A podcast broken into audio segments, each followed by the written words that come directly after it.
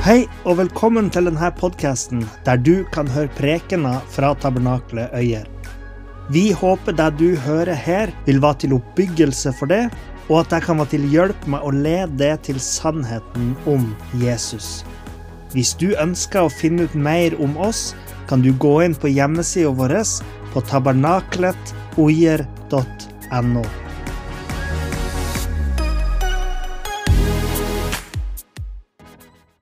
I dag så har jeg satt overskriften 'Fortid, fremtid og generasjoner'. Det skal jeg prate litt om. Og ja, jeg skal prate litt om alder. Ofte kan jo det være en elefant i et rom som ingen egentlig tør å si, men som mange tenker at kanskje er der. Og som kanskje mange vet at er der, men som man ikke tør å kalle egentlig for akkurat det det er. Det handler kanskje litt om alder noen ganger. Men først så må jeg si det at jeg vil ikke generalisere med det jeg skal si. Jeg ønsker ikke å sette noen i en bås. Og husk på at jeg vil oss vel alle sammen. Inklusiv meg selv. I etterkant når vi er i kafeen. Men husk på det at det, det er ikke det at jeg skal si at alle er like. Jeg vil heller ikke si om min egen generasjon at alle er som meg, eller alle er sånn og sånn. Men jeg har lyst til at vi kanskje skulle reflektere litt rundt det sammen. Fordi vi er jo så heldige folkens, at vi er en del av et fellesskap som har flere generasjoner. Og det er jo faktisk sånn. Eh, jeg satt rundt bordet med ei i går som tilhører en menighet hvor de ikke har flere generasjoner. Hvor hun tilhører den eldste generasjonen. Og hun er egentlig ikke så veldig gammel.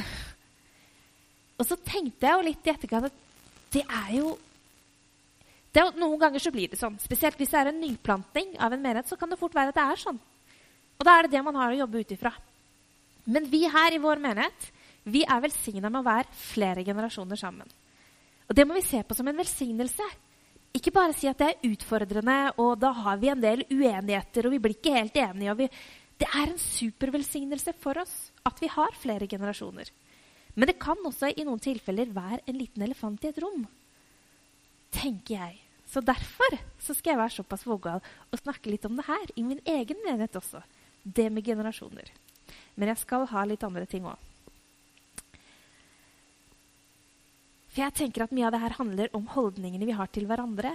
Ikke nødvendigvis bare om hva vi tenker om oss sjøl, men hva vi tenker egentlig om det, om utfordringene som vi eventuelt har. Jeg skal starte med å lese fra en bok. Fordi Hvis man leser et utsnitt fra en bok, så er det litt som at man ikke sier det helt sjøl.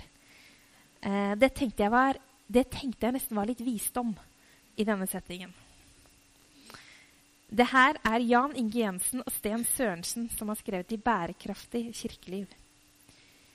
Og de har skrevet Jeg fraskriver meg retten til å De har skrevet Etter hvert som alderen kommer krypende, ser man på seg selv at man ikke er den samme som for 20 år siden. Kroppen eldes. Man blir mer følsom for kritikk, og tankelivet kan ta stor plass. Det er lett å konkludere med at man ikke holder mål lenger. En felle det er lett å falle i, er at jeg får bruke kreftene på de som er like gamle som meg. De forstår meg. Det var det de sa. Men jeg tenkte at egentlig så, så tror jeg at det på en måte setter i gang på en måte temaet litt på en god måte. Det at svaret kan være vet du hva, jeg tror egentlig at jeg er litt for gammel. Nå må de unge ta over. Det er ikke så mye bruk for meg lenger, for jeg har ikke det som skal til. Det holder ikke mål etter den standarden som kreves nå. Jeg tror at noen kan tenke sånn.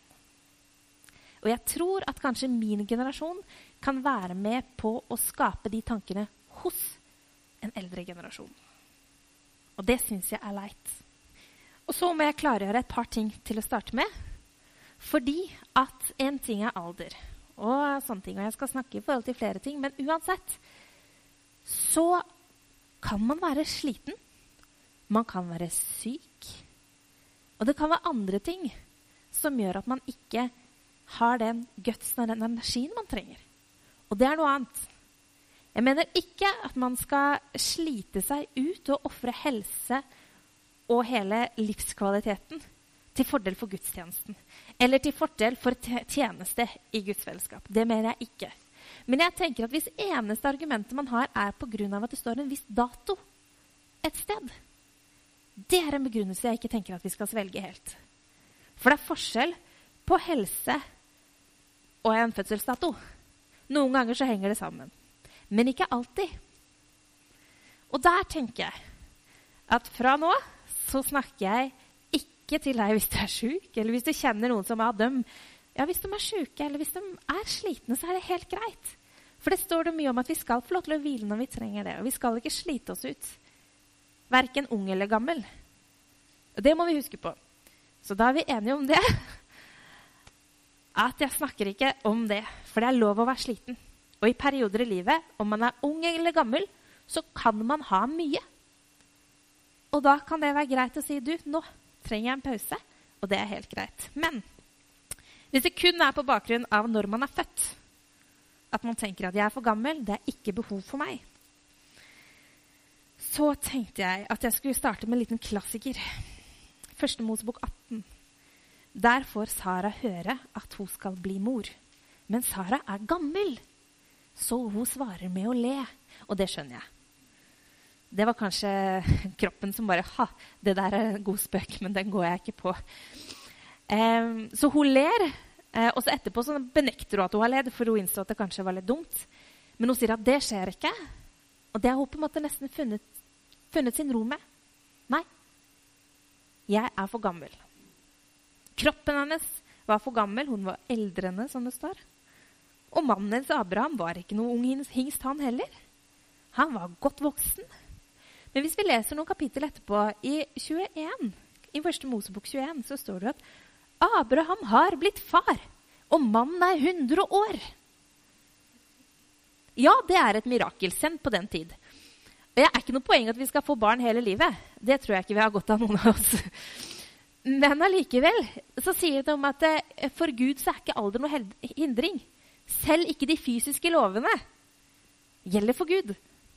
Så selv om egentlig Sara skulle egentlig ikke være i stand til å bli mor Kroppen hennes skulle egentlig ikke sånn sett være i stand til det. Det var ikke noe hindring. Det at Abraham var 100 år, har ikke noe betydning. Gud lot det skje allikevel. Og det er jo mye ved den historien eh, enn kun akkurat de to utsnittene jeg sa nå. Men det, hvis det handler litt om alder, så er det relevant for oss.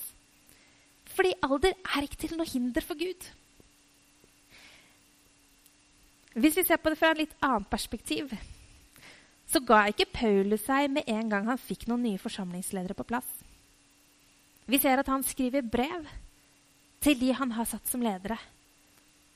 Han følger dem opp, han støtter dem, han korrigerer dem og veileder dem. Jeg kan ikke se at han slipper taket så snart han får muligheten. Han ser ikke at 'yes, da er du på plass', da turer jeg videre, og jeg er forsynt. Han ser fortsatt på sitt ansvar der hvor han er. Og selv om han er borte fysisk, så har han fortsatt et ansvar for det han starta og vært med på. Så han fortsetter å støtte og er med. Så så vidt jeg kan se og det her er bare to eksempler, men jeg vet at mange av dere har lest mye i Bibelen. Så jeg tror vi kan være enige om at det er ikke noe utløpsdato på det å tjene Gud. Det er ikke sånn at hvis du tipper en viss alder, så er du utadert. At da har du ikke det som trengs, og det ikke er behov. Det kan ikke jeg lese i Bibelen. I hvert fall. Jeg kan ikke se at Gud setter noen begrensninger i forhold til det. Det som begrenser oss, tror jeg er mest oss sjøl og hverandre. For det skal vi også være klar over at vi kan være med på å begrense hverandre, og vi kan være med å løfte hverandre opp. Jeg syns det siste er best. Men det kan jo selvfølgelig være at rollene endrer seg når vi snakker om alder. Men det gjør de jo i alle livssammenhenger ellers òg. Rollen som forelder endrer seg jo også. Veldig. Og det er jeg takknemlig for, fordi nå er det litt slitsomt. Nå er de to og tre, og jeg er glad for at det ikke skal være to og tre de neste 20 åra. Det er jo litt som en venninne av meg har sagt, at det er setninger jeg ikke trodde jeg skulle si, som f.eks.: Nei, du skal ikke spise solkrem. Og det slutter man med på et tidspunkt. Man trenger ikke fortelle dem det til evig tid. Eh, hver alder har sin skjerm og sine utfordringer. Men foreldren er jo der. Min mamma er jo fortsatt min mamma, men hun trenger ikke ringe meg og si i påska 'Husk på å ikke spise solkrem, vennen min'. Fordi den rollen har endra seg. Den har et annet innhold, men den er like viktig. Den er der fortsatt, og det er fortsatt behov for den. Men ja, den har endra litt form. Det har den. Det skal den. Men sånn er det jo litt med menigheten òg. Ja, rollene kan endre seg. Men hvis det er sånn at en generasjon, yngre eller den gamle, skriver seg ut, fraskriver seg litt ansvar og sier nei, nå tenker jeg at det er noen andre som må ta over. Det er ikke behov for meg lenger. Eller at han tenker nei, nå trekker jeg meg litt tilbake, for min tid er forbi. Alt er så annerledes nå. Det er andre krav enn da jeg holdt på, så jeg tror det er best at jeg trekker meg tilbake og overlater det til noen andre. Hvis det er innstillingen til den yngre eller til den eldre generasjonen, så mener jeg at vi blir fattigere som et fellesskap. Jeg mener at hvis noen fraskriver seg et ansvar, fraskriver seg en rolle og ser på seg selv som en liten ressurs uten egentlig å være noe behov for, så tenker jeg at da blir vi fattige som et fellesskap. Vi er ment å være en åndelig familie. Vi er ment å ha forskjellige generasjoner med de kvalitetene det har med seg. Men hvis vi mister den ene eller den andre, så blir totalen dårligere. Vi trenger en generasjon som har vært ute en natt før. Som har vært gjennom noen stormer. Som vet hva det vil si når det blåser litt.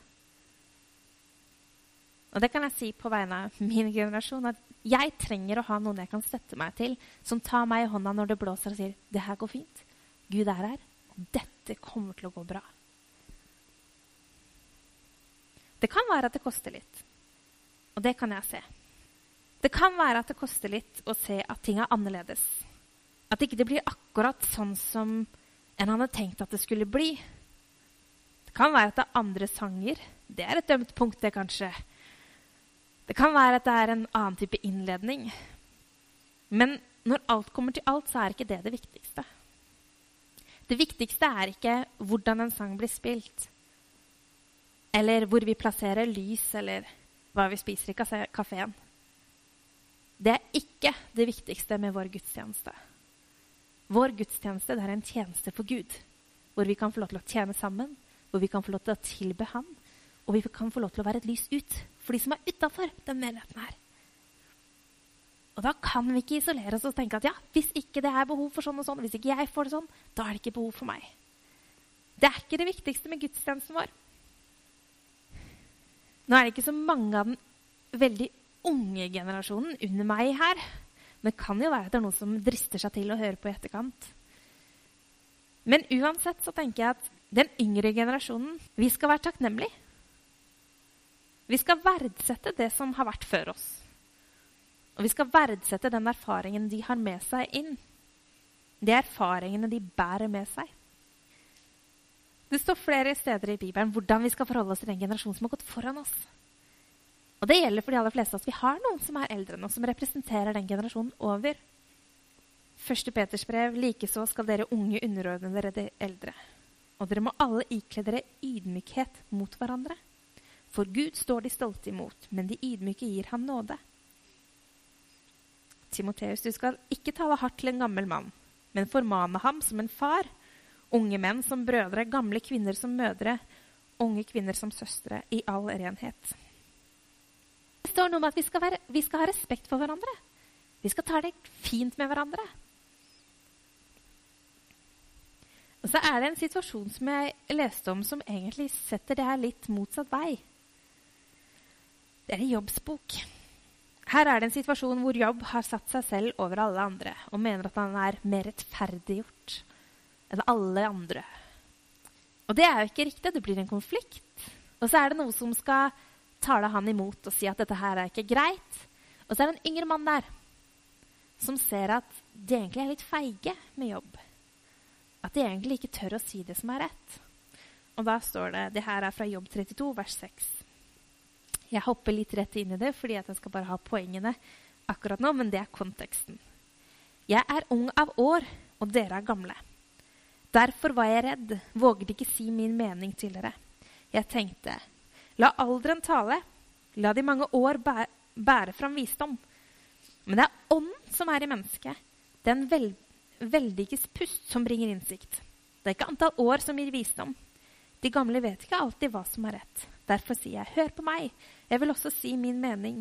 For jeg ventet mens dere talte, lyttet etter forstand, mens dere lette etter ord. Jeg hørte nøye på dere, men ingen har vist at jobb tar feil.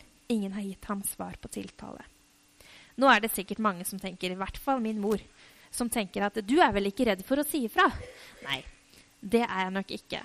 Men det som jeg tenkte at jeg ville dra fram det her for, var fordi at den her yngre mannen Jeg syns allikevel at han gjør det med respekt. Og egentlig, hvis man ser på den tida det her ble sagt i, så var det jo ganske vågalt å stå rett imot. Men allikevel så er det en viss respekt i det han sier også.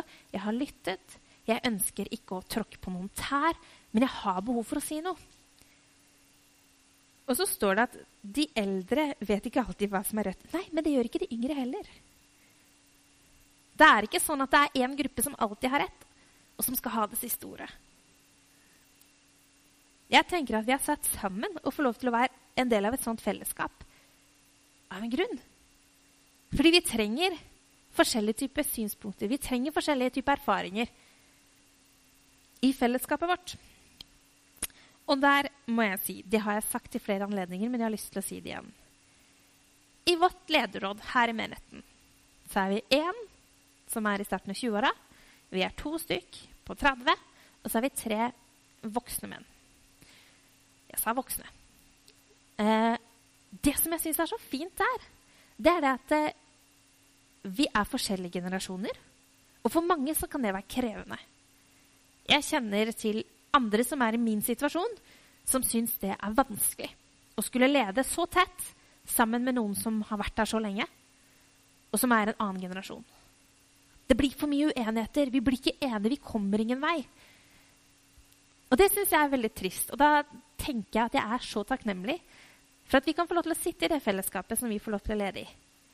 Så kan vi si at vet du hva, der er jeg helt uenig med deg. Og så vet jeg at de andre går ikke i kjelleren av den grunn.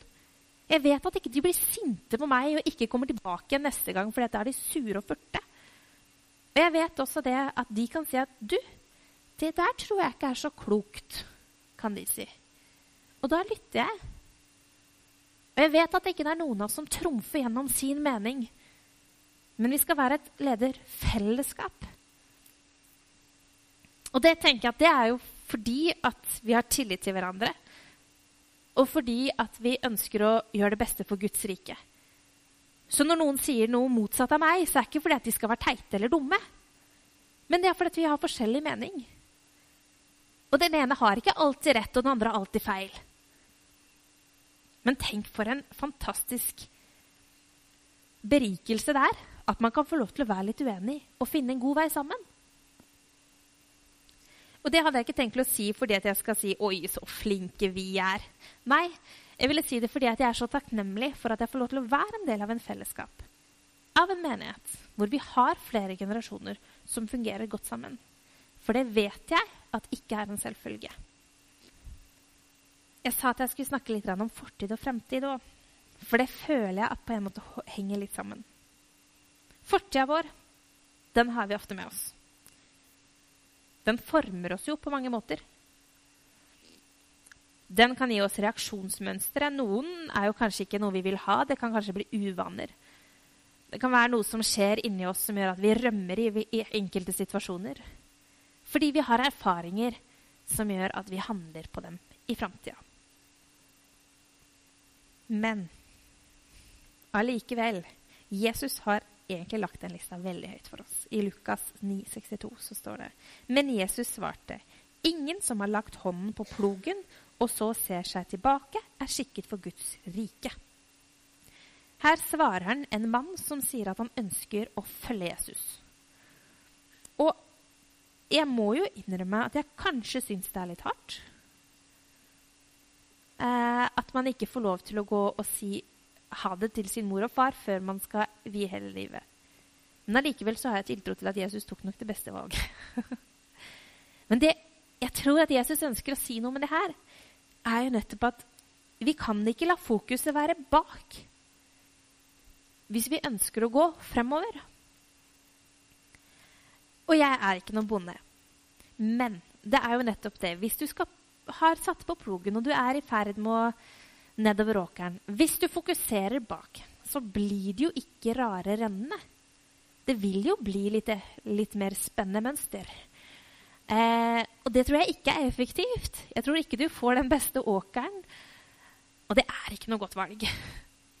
Så det er jo nettopp det Jesus sier, at når du først har satt i gang med oppgaven, når dere er i framdrift, hold fokus fremover på det du gjør.